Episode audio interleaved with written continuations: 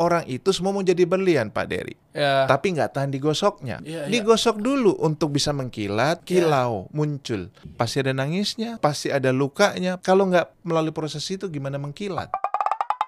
Kita kasih solusi. Mas Dewo. Aduh, beliau ini luar biasa loh. Eh, punya kapal tanker, tongkang, dan lain sebagainya. Dan uniknya ternyata beli kapal tuh kan mesti pakai utang biasanya mas ya. Ya, terus gimana antum caranya nggak ada utang? Oke. Nanti jangan dijawab dulu ya. Oke.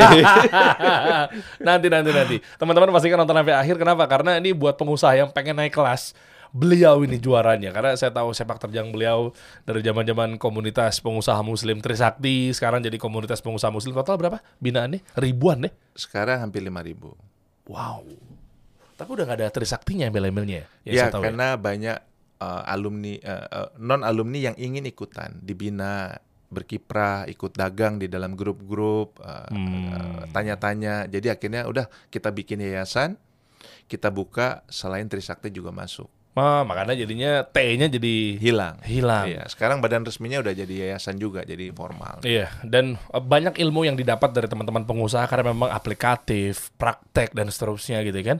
Dan sebenarnya yang eh, paling mendasarnya itu adalah gini eh, untuk Mas Dewo ya. Em, gimana caranya kita memulai bisnis dengan tanpa modal gitu? Emang bisa ya? Dan era sekarang kan pasti kan rata-rata yang berani ngeluarin duit banyak siapa sih? Bank. Nah sementara Mas Dewo punya kapal-kapal itu aja kan nggak pakai utang. Belinya pakai apa? Dan kayaknya mustahil kalau manusia tiba-tiba ya klasik atau klise sih nabung dari ya nabung nabung berapa lama dari gaji UMR gitu. Hah? Kapal tanker berapa? Coba, coba sebelum kita mulai ya, sebelum kita bahas mengenai fenomenal eh, pengusaha muslim yang katanya yang ya kayaknya agak toleransi banget sama riba riba udahlah asal kecil bunganya nggak apa-apa gitu ya. Kan saya pernah dengar perkataan seperti itu nanti kita bahas ya. Tapi Iya. kapal tanker berapa sih harganya? Eh, satu kapal tanker sekarang 60 miliar paling murah kapal tongkang batu bara 50 miliar satu Boleh buka nggak? Eh, antum punya berapa? Tanker minyak-minyak. nggak usah disebut barangkali ya Nggak, nggak, nggak untuk ngambil pelajaran bahwa nanti kita bisa ukur. Saya Nih, punya beberapa yang seluruhnya dibangun, dibeli tanpa hutang. saya tebak boleh nggak? Iya. Kapal tuh gimana ceritanya tanpa hutang, bos? Dan kalaupun hutang, eh, jujur, hutang kan boleh kan? Boleh. Iya Boleh selama tidak ada riba ya. Eh, iya, paham, paham, paham. Iya. Tapi artinya mau minjemin duit dengan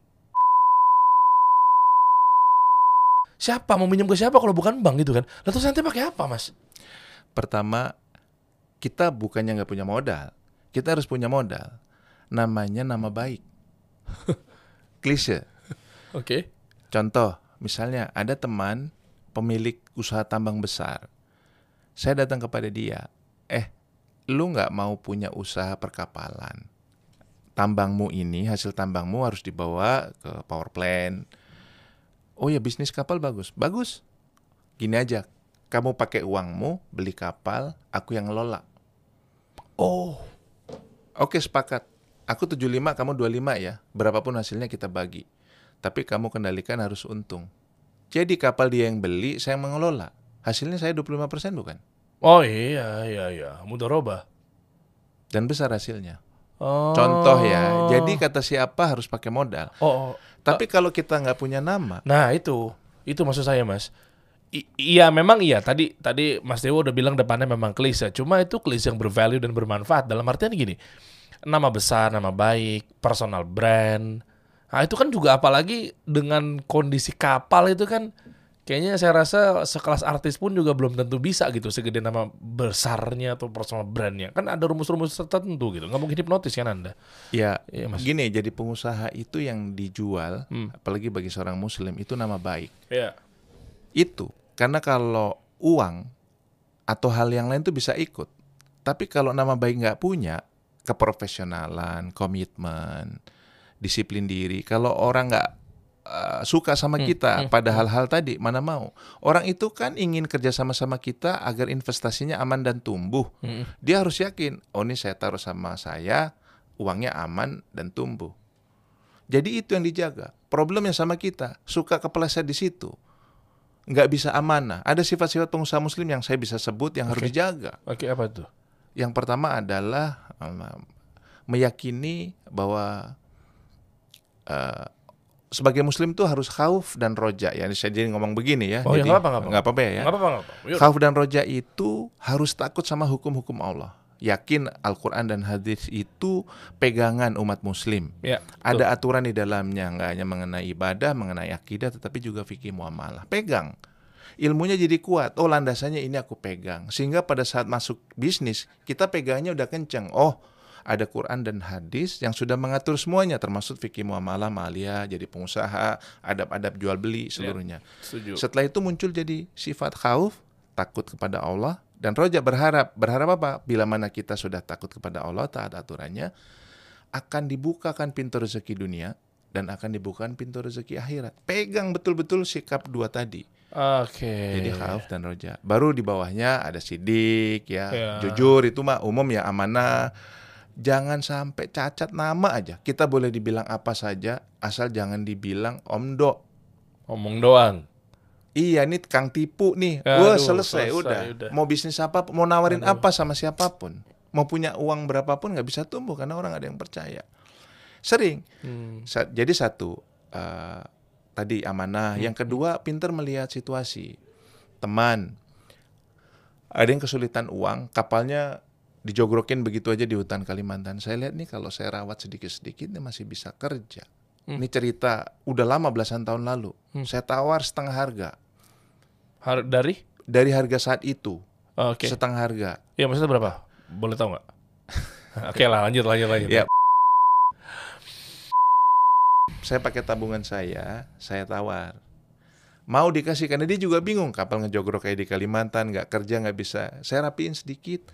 Kapal itu belasan tahun sampai hari ini masih bisa kerja. Kemarin saya hitung sama anak-anak kapal yang tadi saya beli itu penghasilannya aja lebih dari dikumpulin. Oh, diperbaiki dan kapal itu masih kerja sampai hari ini. Pintar merawat, menjaga, tapi kap melihat peluang, peluang. bahwa Oh. ada kapal yang nggak dipakai atau aset apa pun yang nggak Oh, dipakai oke. kita optimalkan sungguh-sungguh. Oh, Si teorinya sederhana, Oke. tinggal mau apa rajin ngintip-ngintip Hmm, aja gitu. betul. Ini contoh ya. Ya, tapi gini mas, maaf dipotong. Artinya, kenapa kap- kapal itu bisa ngejogrok? Biasanya kenapa? Si pemain? Biasanya dia nggak bisa mengelola, nggak bisa mengoperasikan, atau orang yang dia tunjuk nggak bisa dipercaya. Demand-nya nggak ada gitu? Eh, demand-nya ada. Di mana masih ada ya? Demandnya ada buktinya saya bisa cari. Kapal itu tidak kan banyak di sekitar kita aset-aset yang tidak optimal bukan? Oh, kita iya. tinggal datengin pemiliknya, kita yakinkan, apalagi kita tahu dia BU, kita tembak aja. Mau Hmm. nggak nih uang cash hari ini juga tak ambil gitu. Oke. Sedikit-sedikit dikumpulin, bahasa gampangnya rajin menabung. Oke. Rajin menabung. Ya, ya, Tapi ya. maksud saya perusahaan yang rajin menabung, Ya. pintar memilih aset, terus begitu. Lama-lama tumbuh sendiri kok. Allah bukakan jalan. Masya Allah. Ini kayaknya kita berat banget ya, agak turunin dikit mas ya. Oh iya iya. iya. Hmm, UMKM pada ketinggian nih ngomongin kapal tanker, tongkang, bisnis. Eh, agak turunin boleh ya mas ya? Oh, iya, iya, iya. Saya agak ngerem bentar ya. Sebenarnya bisa. Saya tahu mungkin anda A sampai Z tentang dunia bahan bakar minyak dan seterusnya udah uh, udah hatam lah. Tapi penonton saya takutnya kabur mas. Oke. tone down, tone down, tenang, sabar. Beliau ini insightnya harus diambil teman-teman. Kenapa? Karena banyak melihat pengusaha-pengusaha muda kan pasti kan ya mau muda mau tua itu kan painnya atau kesulitannya masalahnya banyak. Nah ini kita kita mundur dikit, habis itu kita bahas dari awal ya mas ya. Apa sih paling banyak kendala pengusaha-pengusaha muslim saat ini nih? Satu, Hmm. nggak tahan rasa sakit. Oh oke, Dua, nggak punya disiplin. oke. Ketiga, nggak bisa istiqomah. Hmm, Orang itu untuk komitmen usaha sering. Saya berkomitmen punya usaha, bubur ayam, dagang hijab, ini itu. Hmm. Komitmen. Komitmen itu butuh untuk memulai. Ya. Tapi untuk bisa running terus, dia perlu namanya konsistensi, istiqomah. ya. Ini nggak laku sedikit, udah nangis guling-guling, nggak diterusin. Ah. Banyak nggak di sekitar kita? Oh banyak, Banyak sekali. banyak. Padahal mustahil Hmm. menjadi pengusaha kalau nggak punya sifat konsisten. Yang ketiga, nggak punya disiplin. Disiplin. Bangun buka toko jam 7 pagi, tutup jam 8. Laku nggak laku. Mungkin nggak laku, tapi kita sambil cari akal, gimana cara ngelakunya. Pokoknya disiplin aja, tahan rasa sakitnya. Periode bisnis paling berat tuh lima tahun. Biasanya anak-anak muda nggak tahan di sini, nggak tahan rasa sakit, nggak tahan konsistensi, nggak tahan disiplin. Mm-mm. Disiplin itu kan melakukan sesuatu yang tidak disukai tapi harus dilakukan. Oh iya lagi. Ya kan? Iya, iya. Sholat mengajarkan kita begitu. Kadang ngantuk, sholat subuh harus ke masjid kan nyebelin di awal-awal. Tapi kalau tanpa disiplin nggak bisa. Sama dengan bisnis. Oke. Komitmen di awal, konsistensi dalam bahasa Islamnya istiqomah, yang terakhir disiplin. Oke. Tanpa itu semua lebih baik nggak usah jadi pengusaha barangkali. Kerja aja ya. Pura-pura jadi pengusaha namanya. Nanti dagang ini, dagang itu, bulan depannya ganti dagang. Nggak konsisten. Banyak nggak di antara kita? Wah, banyak sekali. Nggak bisa tumbuh, bos. ya. nggak bisa tumbuh. Bisnis itu kan nanam pohon, nanam bibit, Ya. sabar sampai buahnya tumbuh. Ah, orang banyak nggak sabar. Dikasih pupuk, kasih air, kasih apa gitu. Hama menyerang, Ya. kita bersihin, kasih pupuk lagi. Ini kan capek. Hasilnya belum ada, buahnya belum muncul. Jadi batang, udah nggak tahan, dimakan batangnya, nggak akan tumbuh. Oh, iya. Sabar sampai buahnya tumbuh. Periode kritikal itu lima tahun. Saya iseng bikin statistik ya. 100 orang yang bikin usaha dalam satu tahun tinggal 10. Dari 10 ini yang tahan lima tahun tinggal satu. Eh masa sih mas? Statistik umum dari iya. sekitar saya. paham, paham. Jadi kalau 100 orang buka usaha hari ini, yang tahan nanti lima tahun masih jalan tinggal satu. Most of, kebanyakan. Sisanya rontok. Ntar ganti usaha ini, bulan depan ganti ini, tahun depan ganti itu. Coba antum lihat aja di sekitar. Usaha restoran, usaha teman-teman yang UMKM.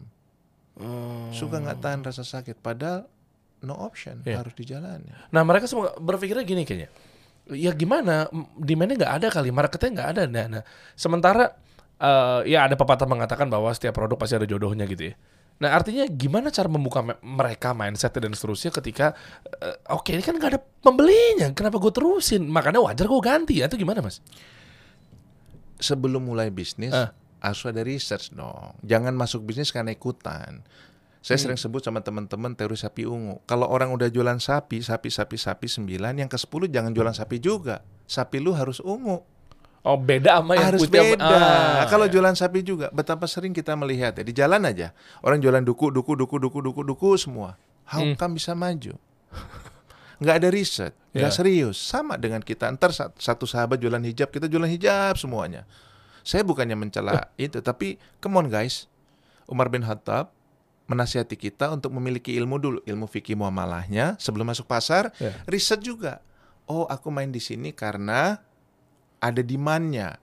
Bukan karena saya suka, Ah. tapi karena ada demand-nya. So, play the game.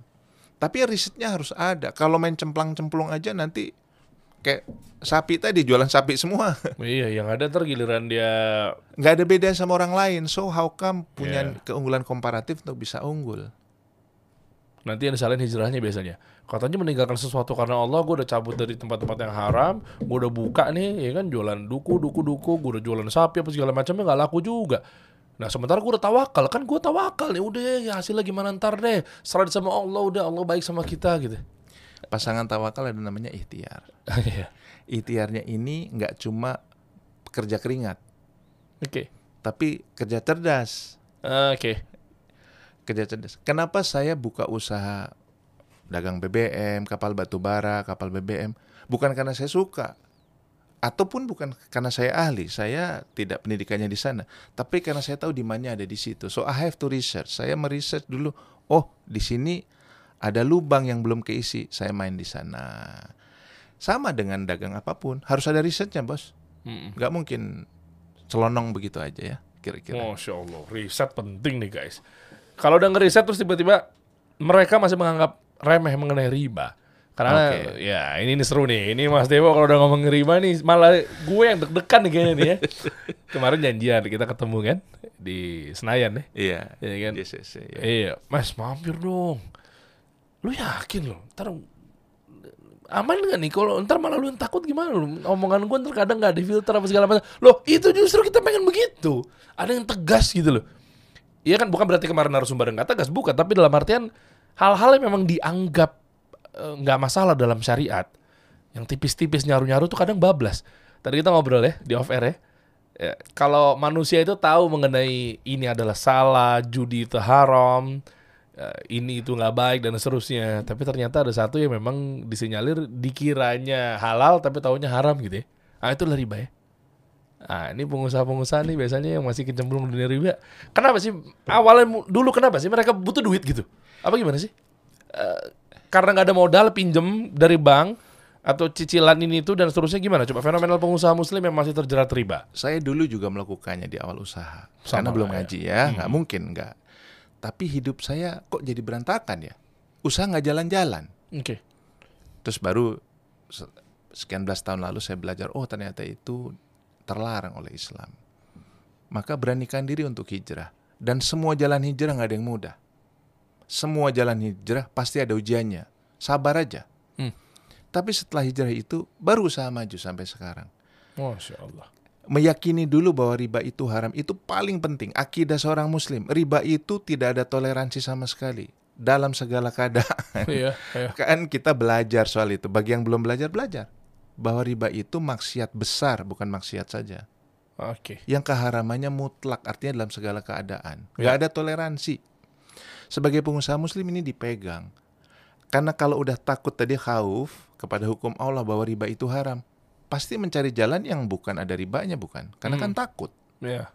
Hukum riba itu berat, Pak. Riba itu satu dirham atau kira-kira satu dirham itu mungkin nilainya 80, katakan 100 ribu rupiah. Katakan kita makan bunga 100 ribu rupiah. Sama dengan, mohon maaf, berhubungan dengan ibu kandung sendiri. Hmm, Terbayang di dalam mimpi pun tidak, tapi faktanya itu dalil. Bukan kata saya. Semua orang muslim kan pasti tahu dalil itu. Pegang. Jadi kalau sama satu dirham takut senilai segitu, apalagi yang lebih besar. Hmm. Bahaya riba itu adalah maksiat yang orang melakukannya tapi tidak merasa berdosa. Itu yang luar biasa. Orang makan babi mungkin muntah. Minum khamr mungkin waduh najisnya di mulutnya dicuci begitu bukan kita sering lihat sahabat-sahabat kita begitu kan oh ini ada khamarnya nih tapi sama riba di sekitar kita orang toleran luar biasa Contoh kasusnya gimana? Saya seneng banget dibahas ini nih. saya buka yang Oh, gede ya. yang kecil ya tapi pokoknya riba itu adalah dosa yang maksiatnya luar biasa besar contohnya Hmm. sahabat pengajian Hmm. ibu-ibu suaminya dapat kredit Hmm. mobil ya. Sujud syukur. Alhamdulillah ya Allah terima kasih disetujui kredit mobil. Allahu Akbar. isinya riba semua. Nggak pantas disujud syukuri. Itu musibah besar. Tapi karena ilmunya nggak ada dia sujud syukuri. Itu baru yang kecil tuh dramanya ya. Allahu Akbar. betapa banyak di sekitar kita yang demikian. Kalau orang nggak takut sama dosanya riba gimana mau maju usahanya? Mungkin maju semu tapi isinya cuma kehilangan berkah Allah apa yang dicari? Banyaknya. Banyak kalau nggak berkah buat apa? Ya. banyak nggak ada guna bila mana tidak Allah ridhoi tidak Allah berkahi. Saya bisa begini karena pengalaman ya bukannya saya lebih baik dari orang lain tapi come on guys. Sebagai pengusaha muslim kata muslim itu kan berat. Pegang. Kalau enggak jadi karyawan aja. Nggak usah jadi pengusaha muslim riba-riba pinjam sana pinjam sini. Ya. dan fakta Ah. hidup tanpa riba baik-baik saja bahkan jauh lebih baik tanpa riba kalau kata orang nggak bisa hidup tanpa hutang bank anda nggak tahan prosesnya hijrah karena faktanya hidup saya baik-baik aja tuh tanpa hutang sama bank saya bukan hanya anti riba tapi juga anti hutang Rumah makin gede tuh. ya Dulu saya enggak, main. jangan. Guys, FYI guys, maaf saya potong ya. Izin Mas Dewo. Saya tuh berteman dengan anaknya Mas Dewo tuh udah dari lama sekali. Dari sama Kevin Aprilio. Ya dulu kan di Viera sering ketemu kita bareng. saya juga waktu itu di radio sama Alika. Alika nih, Alika Alika Islam Madinah nih. Ya kan, wah macam-macam lagi. Saya kenal lama lah sama beliau. Terus waktu itu intermezzo dikit ya mas. Mas, aku tuh tuh main loh tempat mas yang yang itu loh eh, rumah yang di sini sini sini sini. Oh tuh rumah yang mana? Bercanda. Ini, ini beliau bercanda. Enggak, ini nggak ada maksud. Kita kan teman ya. Oh, waktu masih kecil apa yang udah besar? Wah. oh iya iya. Jujur. Tapi waktu itu di mata saya udah besar yang di ya udah ini ini kan konfidensial ya jadi saya nggak sebutin lokasi yang di sini. Oh itu mah yang kecil. Perasaan saya syuting di dalam main, main di dalam gede deh mas. Jadi sekarang ini mata gede tuh yang semana mas? Tanpa Ya. riba lagi. Ya nggak boleh kan. Rib- Nah ini ini gini, ini inspirasi dan motivasi buat teman-teman semua. Ternyata kan stigmanya ketepis guys. Kita ambil ibroh ya. Semoga Allah jaga eh, Mas Dewo eh, dengan maksud tidak dengan ria dan seterusnya gitu ya. Kita, kita nggak lagi bahas itunya gitu, disclaimer di situ. Tapi ini menjadi ibroh dan eh, inspirasi buat teman-teman semua. Nyatanya yang selama ini stigma skeptis mengenai nggak mungkin kita nggak pakai riba tuh kaya gitu loh. Nah ini mesti dibenahin di mindsetnya nih mas. Ya kan nyatanya mobil makin baru gitu ya. Ya, yang Ah, paling iya kan, penting ini- usaha tumbuh, Hmm. membeli aset, nilainya cukup sangat besar, tapi tanpa hutang. Faktanya bisa, Ya. ya. Bagi teman-teman UKM yang baru mulai harus sabar. Tumbuhkan pohonnya sampai buahnya hasil. Kalau udah buahnya satu keluar, nanti buah lain keluar. Yang penting setia saja sama jalan yang Allah udah sediakan. Ntar kaget sendiri kok. Su- Wah, suka ya. kaget sendiri. Ya betul, Ya, betul. kita berharap X dikasihnya 10X. Sering, sering Ya. kita mengalami hal itu. Tapi nanti harus sabar dulu, diuji dulu, digosok dulu. Orang itu semua mau jadi berlian, Pak Dery. Ya. Tapi nggak tahan digosoknya. Ah, keren. Iya, iya. Digosok dulu untuk bisa mengkilat, kilau, muncul. Kalau nggak digosok gimana muncul kilaunya? Sabar aja, memang sakit. Berlian aja digosok ya. Iya. Pasti ada nangisnya, Oh. pasti ada lukanya, pasti ada sedihnya, pasti ada galaunya, mungkin guling-guling. Tapi kalau nggak melalui proses itu gimana mengkilat? Hmm. Berat. Waduh, tapi berapa lama? Kan anak-anak pasti mikirnya begitu. Ya teman-teman mau salah. Ya lumayan enak udah kenal ini, lumayan enak punya privilege. Enak ngomong gampang udah punya tabungan. Sabar sabar sabar. Lah kita besok aja makannya bingung mau pakai apa? Ah itu gimana? Kan saya sama fasenya dulu. Kan saya nggak punya tabungan. Saya kan bukan anak siapa-siapa juga. Memulainya kan apa yang dialami teman-teman semua, kan saya juga mengalami. Persis. Artinya kondisi saya tidak istimewa saya dikasih siapa usaha ini atau anak siapa, anaknya Ya. siapa, Iya, iya. atau keponakan siapa atau minta pejabat siapa. Saya nggak kenal pejabat, saya nggak kenal siapa-siapa, saya nggak minta sama siapa-siapa. Sama dengan teman-teman semua. Bedanya mungkin pada saat saya di apa melalui proses itu sabar aja. Buk, bukannya nggak sakit, sabar. Sabarnya ini yang paling penting. Teman-teman harus tahan. Saya kasih kunci lima tahun. Oke. Lima tahun itu waktu yang sangat eh, kritis bagi pengusaha pemula. Tadi eh, Hmm, off air hmm. mungkin saya sebut ya. Hmm. Statistik sederhana dari hitungan saya ya, dari komunitas yang saya bina. 100 yang mulai usaha hari ini yang bertahan dalam satu tahun hanya 10. Dari 10 ini yang bertahan lima tahun cuma satu. Jadi dapat dipastikan yang hari ini buka usaha, yang tahan lima tahun cuma satu. Hmm. Maka teman-teman harus jadi yang satu itu, tahan lima tahun. Hmm. Bisnis apa pun, di tahun kelima buahnya mulai tumbuh. Dimakan buahnya, jangan batangnya. Hmm. Ada hasilnya, lihat laporan keuangan ada laba, ambil dividen sedikit dimakan. Nggak sabar, nggak tahan mau makan susah, sabar. Hmm. Harus sabar. Sifat apa? Mendahulukan menabung. Udah sifat menabung ini udah sifat pengusaha. Tabung tuh bukan buat diri sendiri, Ya. tapi buat usaha. Berapapun keuntungan dibalikin lagi beli aset. Ya menabung. Kedua, utamakan memiliki aset yang produktif. Contoh. Contoh, Oh. kalau bisnis jangan cuma trading, jangan cuma dagang, nggak ada aset. Oh, iya muter-muter aja udah. Iya. Kan cuma ambil margin jadi Eh, pedagangnya. eh, Tapi eh. kalau aset, asetnya menghasilkan sesuatu, Jadi apa misalnya rumah? Cum, misalnya rumah, rumah jadi sesuatu yang bisa disewakan, dikontrakan. Rumahnya punya nilai, nilainya Ah, naik, tapi hasil iya. bulannya dapat. Contoh aset ini. Kalau dalam kasus saya kan kapal. Saya beli kapal, kapalnya punya nilai. Nanti lama-lama kapalnya menghasilkan tiap bulan, Hmm. bisa dimakan, tapi nilai kapal ini kan terus sampai. Jadi usahakan bisnis itu yang ada asetnya, yang menumbuhkan aset, mesin, rumah, kendaraan. Oh kapal tuh nggak turun ya? Nggak, eh, eh, Decline tapi lama. Lama. Asetnya penurunan aset kan? nurun tapi misalnya lima tahun sudah dihitung nol. Tapi ini kapal masih bisa 15 tahun kerja. 10 tahun isinya daging semua. Oh ya. dari daging itu dikumpulin beli lagi kapal lainnya. Hmm. terus tambah terus tambah. Nabung. Jangan beli Ferrari jangan beli Lamborghini. Saya ya. Eh, jangan beli jam mahal. Jangan bermewah-mewahan. Itu pengusaha muslim itu sikap itu penting. Jangan pengen gaya jangan pengen bermewah-mewahan jangan pengen kelihatan low profile kalem Oke. tiarap nggak perlu memperlihatkan apa-apa kepada siapa-siapa, nggak perlu membuktikan apa-apa kepada siapa-siapa. Masya Allah, itu bagian dari reward kali, Mas. Dengan beli mobil Ferrari, beli jam mewah, itu kan reward. Maksudnya kan dulu mungkin hidupnya susah.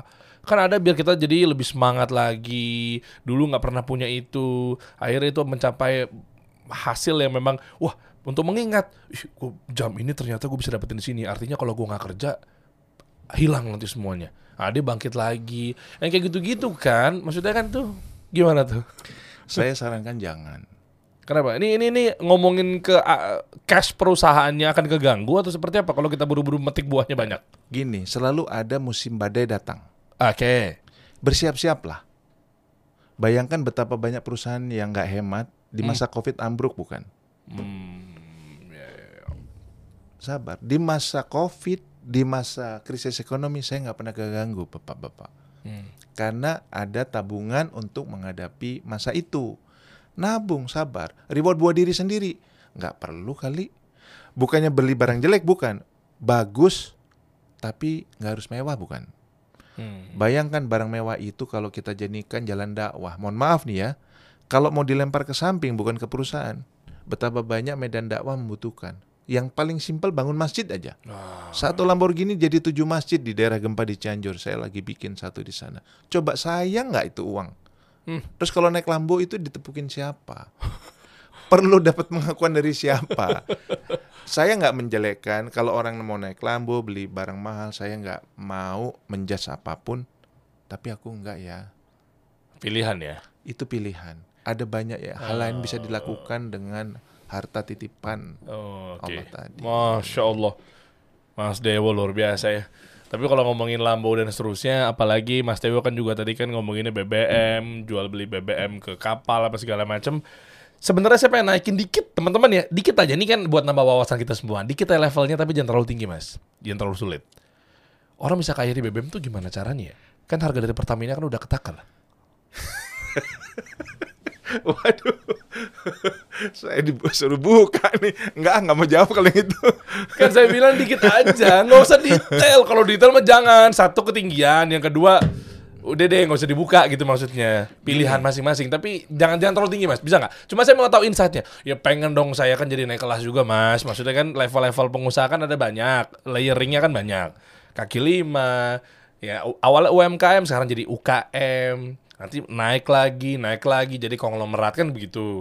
Nah maksudnya sembari yang dari bawah saya mau tahu, saya pengen tahu kehidupan di atas saya itu untuk saya siap-siap. Kan boleh dong saya sekali kan, masa saya main sama UMKM, usaha-usaha kayak begini, masa saya nggak pengen juga sih punya kapal tongkang, pengen main di BBM kan juga pengen mas. Insightnya dikit aja pengen tahu gimana sih itu BBM tuh kan harga dari Pertamina udah ketahuan, kok bisa kaya banget gitu loh. Gini, industri BBM, dia kayaknya saya di setup nih. Nanya nanya dong, nanya loh. Kita nggak ada apa-apa kok orang main Iya, nanya iya, doang. Saya saya kan juga bukan pemain di situ. Saya juga suplai BBM tapi kan ke tambang, bukan ke retail, bukan. Jadi begini, industri BBM itu sesuatu yang tertakar. Iya iya. nggak iya. mungkin ada orang kayak mendadak, nggak mungkin. Lah iya Se- secara umum in- industri energi itu sesuatu yang mudah sekali diukur. Harga Pertamina kan Pertamina udah rilis harga kan udah ketahuan kan? Price list ada. Heeh, kan? Jadi harga beli dari Pertamina ya segitu ada harganya. Hmm. Jadi kalau ada orang mampu membeli sesuatu yang di bawah harga yang normal, itu pasti melakukan jalur yang tidak resmi. Contoh-contoh ya. Misalnya harga Pertamina berapa sih? Ya umumnya sekarang 15.000 ribu ya. 15 ribu lah ya. Berarti nggak mungkin tuh ada orang beli 12 ribu. Ad- ya ada diskon diskon, tapi ada batasan kan dari Pertamina secara ro- Iya, kan kapal itu kan kapal tuh berapa sih eh, eh, tankinya? Berapa ribu liter? Juta. Kal- kalau yang enggak enggak. Enggak Kalau- eh, ka- ya kalau yang besar itu bisa sampai 500 ton. Kalau tongkang-tongkang tuh paling 100 ton, 100 ribu liter. Ya iya betul, berarti 100 ribu liter ya. Ya, Oke. tongkang lah yang kecil. Iya, ya. ya. nah 100 ribu liter. Lah kan kalau kita banyak penuhin 100 ribu liter kan nggak mungkin 15 ribu, bisa aja diskon dong. Bisa, diskon itu tapi kan terukur dari Pertamina. Nah, Kalau beli banyak 30, ada yang 25, ada yang 20, 15. That's all. Hmm. Tergantung volume, tergantung kita pelanggan apa tidak. Tapi nggak bisa lebih dari itu. Dan itu formal ya. Hmm, terus margin besar tuh gimana caranya? Kan udah tahu bahwa si pemilik kapal-kapal yang beredar nih, kapal asing, kapal apa segala macam kan minyaknya kan kalau di pertengahan laut kan kehabisan bahan bakar. Nah, Iya. terus dia juga tahu harga rilis dari Pertamina itu berapa. Nah, terus margin besar gimana caranya? Kan nggak mungkin beli 15 ribu, eh gue jual sama lo 37 ribu ya. Eh, eh, eh gue juga tahu kali harganya, misalnya gitu. Kalau orang mau beli ada price list. Yang jadi tantangan pedagang belinya di mana dan harga berapa. Hmm, oke. Kalau distributor ada harga resminya dari Pertamina, resminya. Yang di luar Special price. spesial di luar harga diskon, di luar jalur resmi, ya saya nggak mau jawab. Ya, eh diskon sekian persen lah pasti. Ya. Distributor pasti kan dapat lah. Ya, Ya. kayak saya distributor baju, eh, eh, saya punya baju. Ayo ada mau daftar jadi distributor atau reseller nggak? Nanti saya kasih diskon 30 persen. Yes. Di luar dari harga jual. Yes. Nah itu oke lah paham. Cuma kan bisa kaya banget itu. Nggak, nggak, ini saya, saya, saya awam loh guys. Jujur saya nggak ngerti beneran. Mas Dewo levelnya di atas saya untuk berbisnis. Saya saya, saya UKM lah. Makanya saya justru mau belajar. Eh tapi nggak apa-apa. It's okay kalau nggak mau jawab juga nggak apa-apa. Coba dikit saya mau tahu insight aja sih sebenarnya. Nggak usah tinggi-tinggi juga nggak nyampe juga UMKM takutnya. Ya, pokoknya kalau orang kaya dari BBM pasti memiliki sumber BBM di luar Pertamina resmi. Diplomatis sekali Anda Mas Dewo. Ini podcast. oh gitu ya. Iya. Oh, berarti dia nggak resmi. Eh, saya nggak berani nyebut itu, tapi memiliki jalur di luar harga resmi Pertamina. Dapatnya dari mana? Walau alam. Hmm, Oke. Kapal. Kapal itu kalau dengan 100 ribu liter, perjalanan dari A ke B, habis nggak? Ya tergantung jarak ya. Kalau Ah. jaraknya jauh antar pulau, katakan dari Jawa ke Papua habis. Tapi kalau cuma sampai Sulawesi, cuma setengah. Nah, cuma setengahnya ke mana? Nggak, Bias- ini beneran saya nanya, maksudnya setengahnya ke mana? biasanya dilaporkan. nah laporan ini harus di cross check sama anak-anak di lapangan. Oke, kita bahas UMKM aja guys ya. UMKM aja UMKM. Wah, Lah kan saya pengen jadi auditor, masa nggak boleh sih mas? Ya udahlah ya. Ya kan biasanya begitu. Nih kamu ada jatah sekian, bikin event ya, ada anggaran saya, saya swasta deh. Ya, saya mau bikin expo, ya kan, cepret, ada anggaran nih yang harus dikeluarkan. Lah kalau exponya misalnya kelihatan nggak megah-megah banget, lah sisa te- tenannya nih jatah nih, ini gue modalin deh 5 miliar. Yuk kita bikin pameran yuk. Oke? Nah, 5 miliar ternyata tenannya yang harusnya 5 miliar open tenan 200 tenan. Lah kok cuma 30 tenan? Artinya pertanyaan kan. Lah budget yang buat dijadikan tenan kan harusnya balik dong. yes. Itu dong. Yes. Nah makanya saya nanya. Kapal ini kan bingung. Lah emang udah pasti habis. Lah kalau nggak habis ke mana? Itu analogi yang sama menurut saya. Saya sebagai pemilik kapal biasa memberi anggaran kepada para uh, uh, kapten. Katakan ini jatahmu untuk trip ini eh, bulan ini sekian puluh ton umpama ya atau sekian ratus ton. Udah. Nah sisa atau enggak itu terserah kapten biasanya. Karena udah dianggarkan masuk dalam hitungan kapal saya sekian. Bagaimana dia merilis sisa apa enggak disimpan apa enggak itu udah memang udah diikhlaskan sebagai pemilik kapal ya. Nah, ka- para kapten ini urusan mereka, urusan rumah tangga kapal Oh, sendiri. kan gitu. nggak mungkin disedot terus balikin Pertamina kelebihan nih gitu kan nggak mungkin kan eh pengusaha Nggak nih mungkin. tampung nih gitu kan Nggak boleh juga secara hukum. eh, iya artinya gitu nggak tahu kalau dioper ke kapal asing Iya kan kata UMKM, UMKM UMKM. ya kita fokus ya. Memang agak ngeri ya dunia-dunia per BBM minyak ya. Di samping saya nggak ada ilmunya, saya juga takut juga sebenarnya kalau harus naik kelas dengan sisi yang situ. Eh, pemain-pemainnya udah banyak lah, ya kan. Tapi balik ke masalah UMKM lagi. Eh, riba seru nih kita bahas. UMKM nggak lebih dari apa ya, masih kasusnya ya, riba, goror, apa, apa lagi ya? Eh, semangat tadi konsistensi Hmm. itu buat saya itu juga penyakit ya. Eh, apalagi terus punya sifat tadi kalau menyentuh riba itu suka berhutang kan. Nah ini Suka berhutang, dikit-dikit punya masalah sama problem modal, lalu lari ke pinjaman ribawi. Apalagi, ini mohon maaf kalau ini saya buka, Hmm. penyakit masyarakat di Jakarta bukannya sombong atau bukannya apa maksudnya? Pinjaman online. Allah. Itu kanker yang luar biasa merusak, orang tidak sadar, seolah kenikmatan dan solusi cepat, tapi itu daya rusak dan daya bunuhnya luar biasa. Hmm. Daya bunuhnya luar biasa. Kenapa? Karena orang lalu kebingungan solusinya. Saya pribadi telah mengalami beberapa karyawan mengalaminya pinjaman cuma berapa berpuluh kali lipat harus dia bayar dalam waktu enam bulan, tujuh bulan. Karyawan kabur dikejar debt collector, keluar kerja tiba-tiba. Kisah ini seluruhnya diselimuti gara-gara kasus pinjol plus judi online. Hmm. Judi online kecemplung untuk solusi nutupin judi online-nya pakai pinjol ini udah penyakit masyarakat. Saya heran kok didiamkan sama pemerintah. Ini harusnya ditutup. Kan ini daya rusaknya luar biasa. Tapi kan memudahkan buat yang rakyat yang nggak mampu. Mudah itu kan kayak racun, Bos. Manis di lidah, di dalam tubuh hancur. Hmm. Siapa orang yang sukses selamat dari pinjol dan merasa bahagia? Satu saja. Orang yang pinjam dari pinjol lalu merasa bahagia seterusnya ya. Oke. Hari itu dia terima uang pinjol, dia bahagia, tapi tunggu seminggu, tunggu sebulan.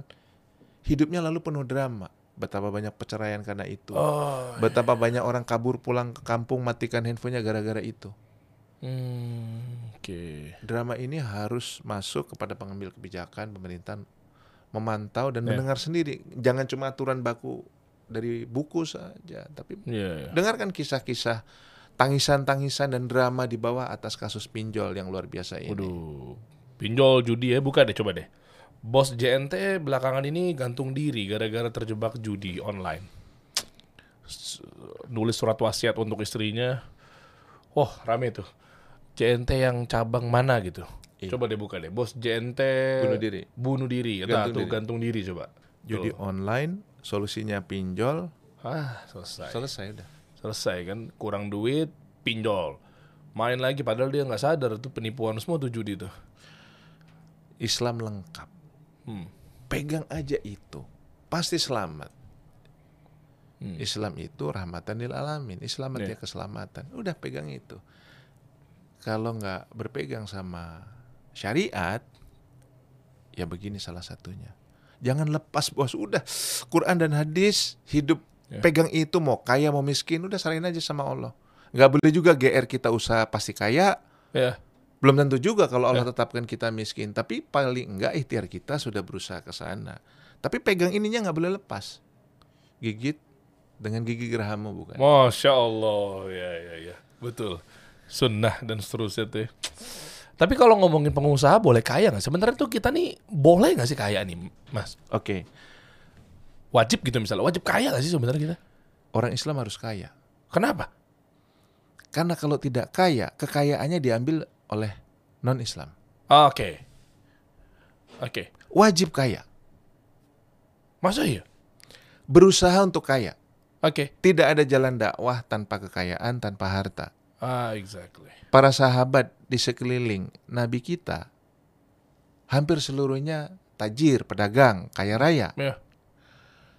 nggak ada jalan dakwah. Gimana mau bangun masjid? Gimana mau meluaskan jalan dakwah?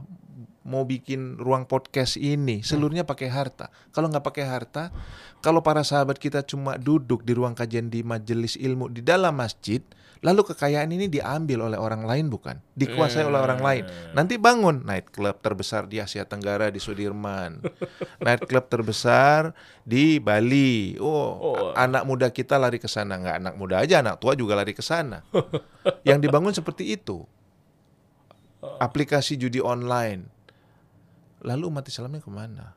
Gimana bisa meraih kejayaan? Mohon maaf ya, kejayaan Islam kalau isinya ruang-ruang ekonomi dipenuhi oleh ekonomi ribawi dan maksiat. Saya bukannya mau ngomong sok bersih, tapi come on guys, orang Muslim harus kaya, ikhtiar kaya. Hasilnya terserahkan sama Allah. Hmm. Jadi salah satu untuk menjadi kaya jadi pengusaha Muslim. Hmm. Dari 100 orang terkaya Indonesia, berapa yang Muslim? Ya Allah. Sa Beberapa. Kita nggak perlu ada ada namanya, ada, tapi didominasi sama yang kafir. nomor nomor satu, nomor dua orang terkaya di Indonesia adalah pemilik bank.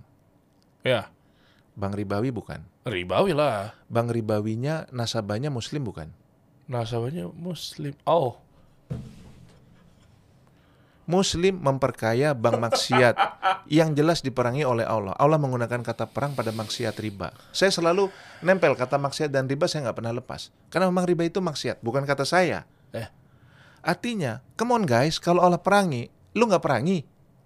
Jangan malah memperkaya bank yang isinya maksiat. Yang jadi pegawai tamannya pun tidak boleh. Ah. Apalagi jadi pegawai karyawannya. Bukan kata saya. Ini kalau ngomong gini bukan katanya Dewo ya. Tapi dalil begitu banyak kajian yang kita telah pelajari menyatakan bank ribawi adalah maksiat. Jadi pegawainya. Tapi kok sebagian muslim memperkaya. Bank tersebut memperbesar. Bank-bank ribawi kita itu nasabahnya banyak muslim bukan? Muslim banyak. Saya punya concern yang ngomongnya agak tinggi sekarang ya. 87% muslim di Indonesia itu most of kebanyakan masih menggunakan bank ribawi, bukan. Bank syariah kita hanya 6% penguasaan perputaran perbankannya. 87% muslim, bank syariah cuma 6%. Kalau pakai ditarik garis lurus 81% muslimnya pakai bank apa? Pasti bank ribawi. Iya, iya pastilah. BUMN, bank milik non muslim yang syahadat aja nggak bisa, yang tidak mengakui Allah sebagai Robnya, kehinaan apa yang lebih besar dari itu? Kehinaan apa seorang manusia nggak mengakui Allah sebagai Robnya, tapi kita perkaya, kita perkuat, kita taruh uang, titipkan sama dia, lalu dia taruh kepada proyek-proyek non muslim, bangun nightclub terbesar di Asia Tenggara. Mohon maaf saya jadi berapi-api. Oh. Betapa patah hati kita sebagai Iya. muslim dan sedih kok memperkaya yang sana sementara teman-teman kita mohon maaf ya jualan susu kurma cari uang 2000 5000 butuh modal susah merengek setengah mati nggak punya jaminan mas nggak dikasih Hmm. patah hati mas aku jualan hijab mau pinta minjem modal 50 juta nggak dikasih sama bank yang di sana tempat ajeb-ajeb dananya dari bank Oh iya. iya. uangnya nasabahnya dari para muslim. Harusnya sebagai mu- mukmin, sebagai muslim deh, patah hati kita melihat kayak gitu. Ini concern besar. Udah hidup kita punya pasangan sebagai muslim punya pasangan namanya bank syariah. Perbesar bank syariah dananya untuk memperbesar kemaslahatan ekonomi pengusaha para muslim.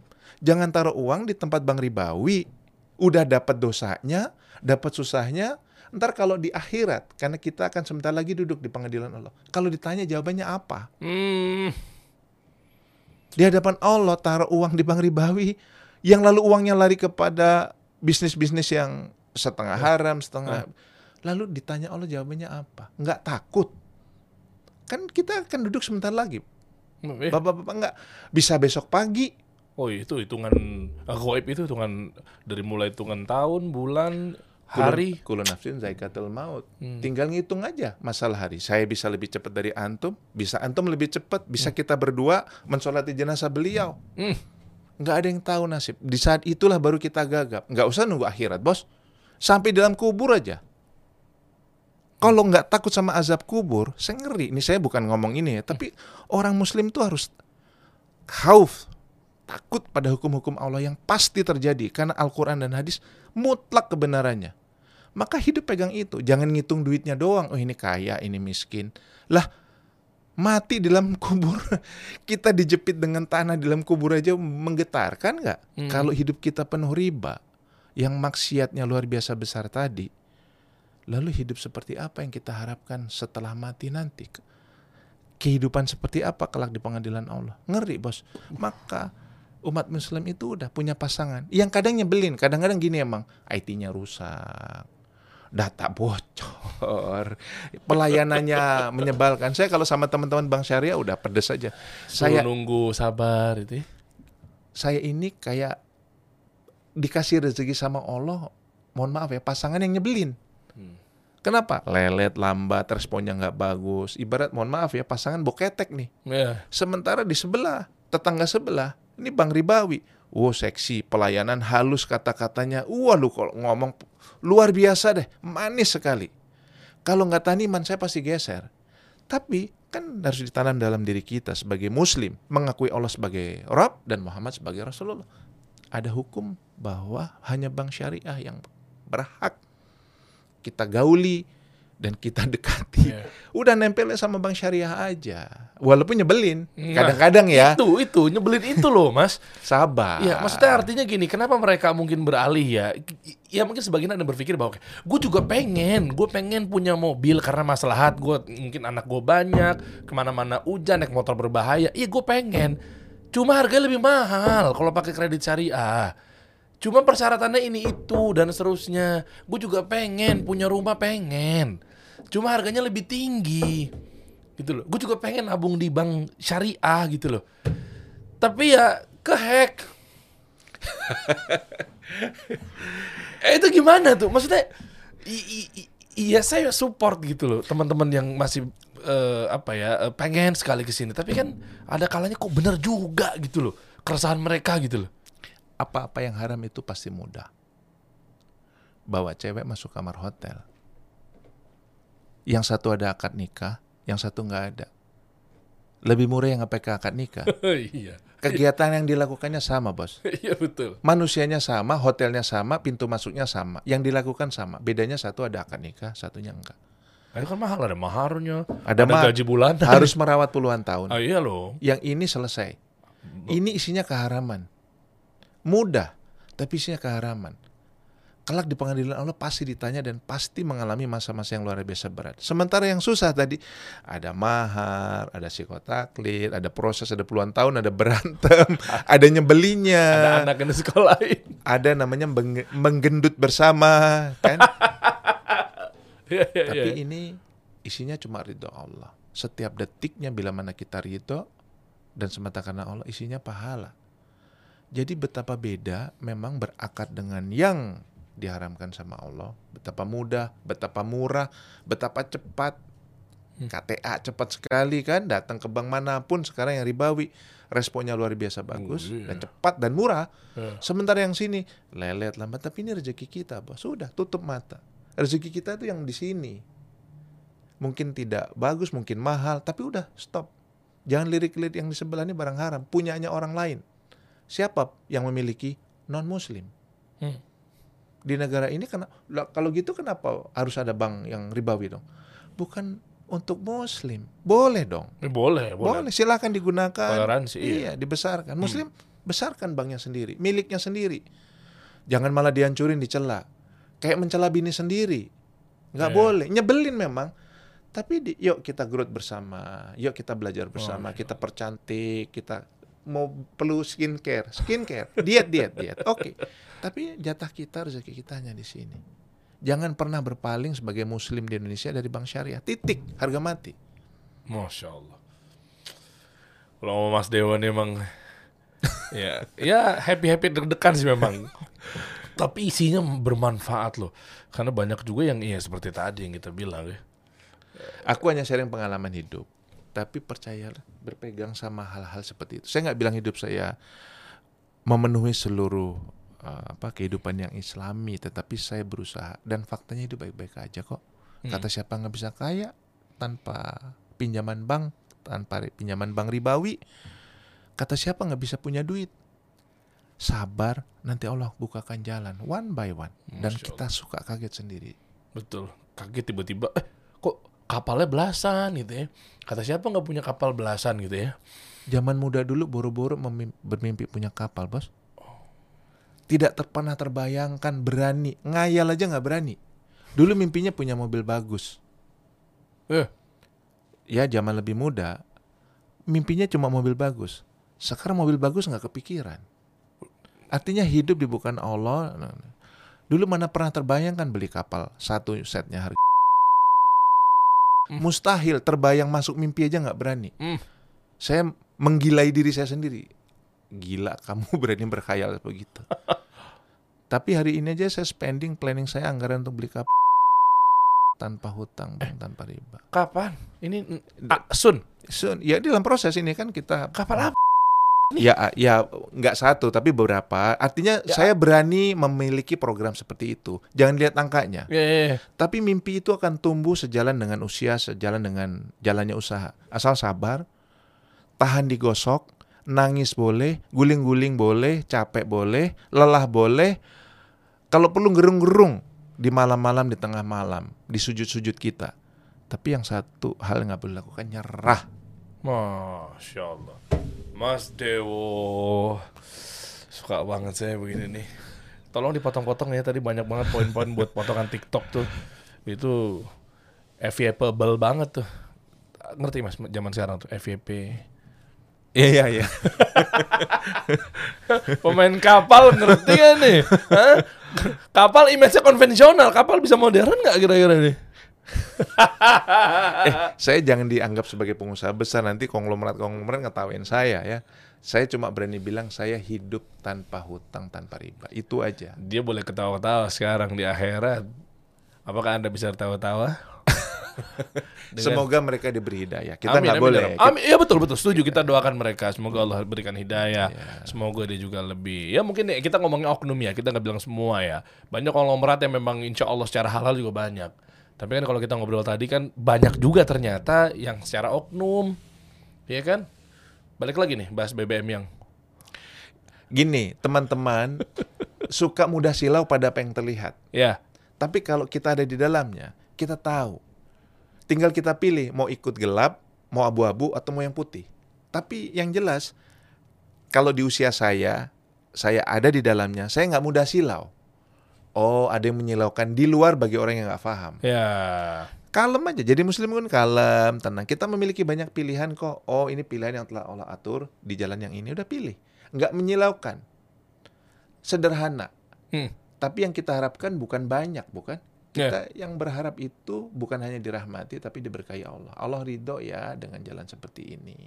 Syukur-syukur bisa melebarkan jalan dakwah, ikut dakwah di sini, dakwah di situ. Jadi kelak saat duduk kita di mahkamah Allah, di pengadilan Allah, kita bisa jawab. Oh jalan nafkah saya begini ya Allah. Ini saya luaskan jalan dakwah begini ya Allah. Daripada nanti kalau ditanya hartamu dari mana? Kenapa begitu? Hmm. Hari itu bukankah pasti tiba? oh ya Kita semua Hmm. harusnya takut dan harus bersiap-siap. Kalau orang pintar kan pasti bersiap-siap.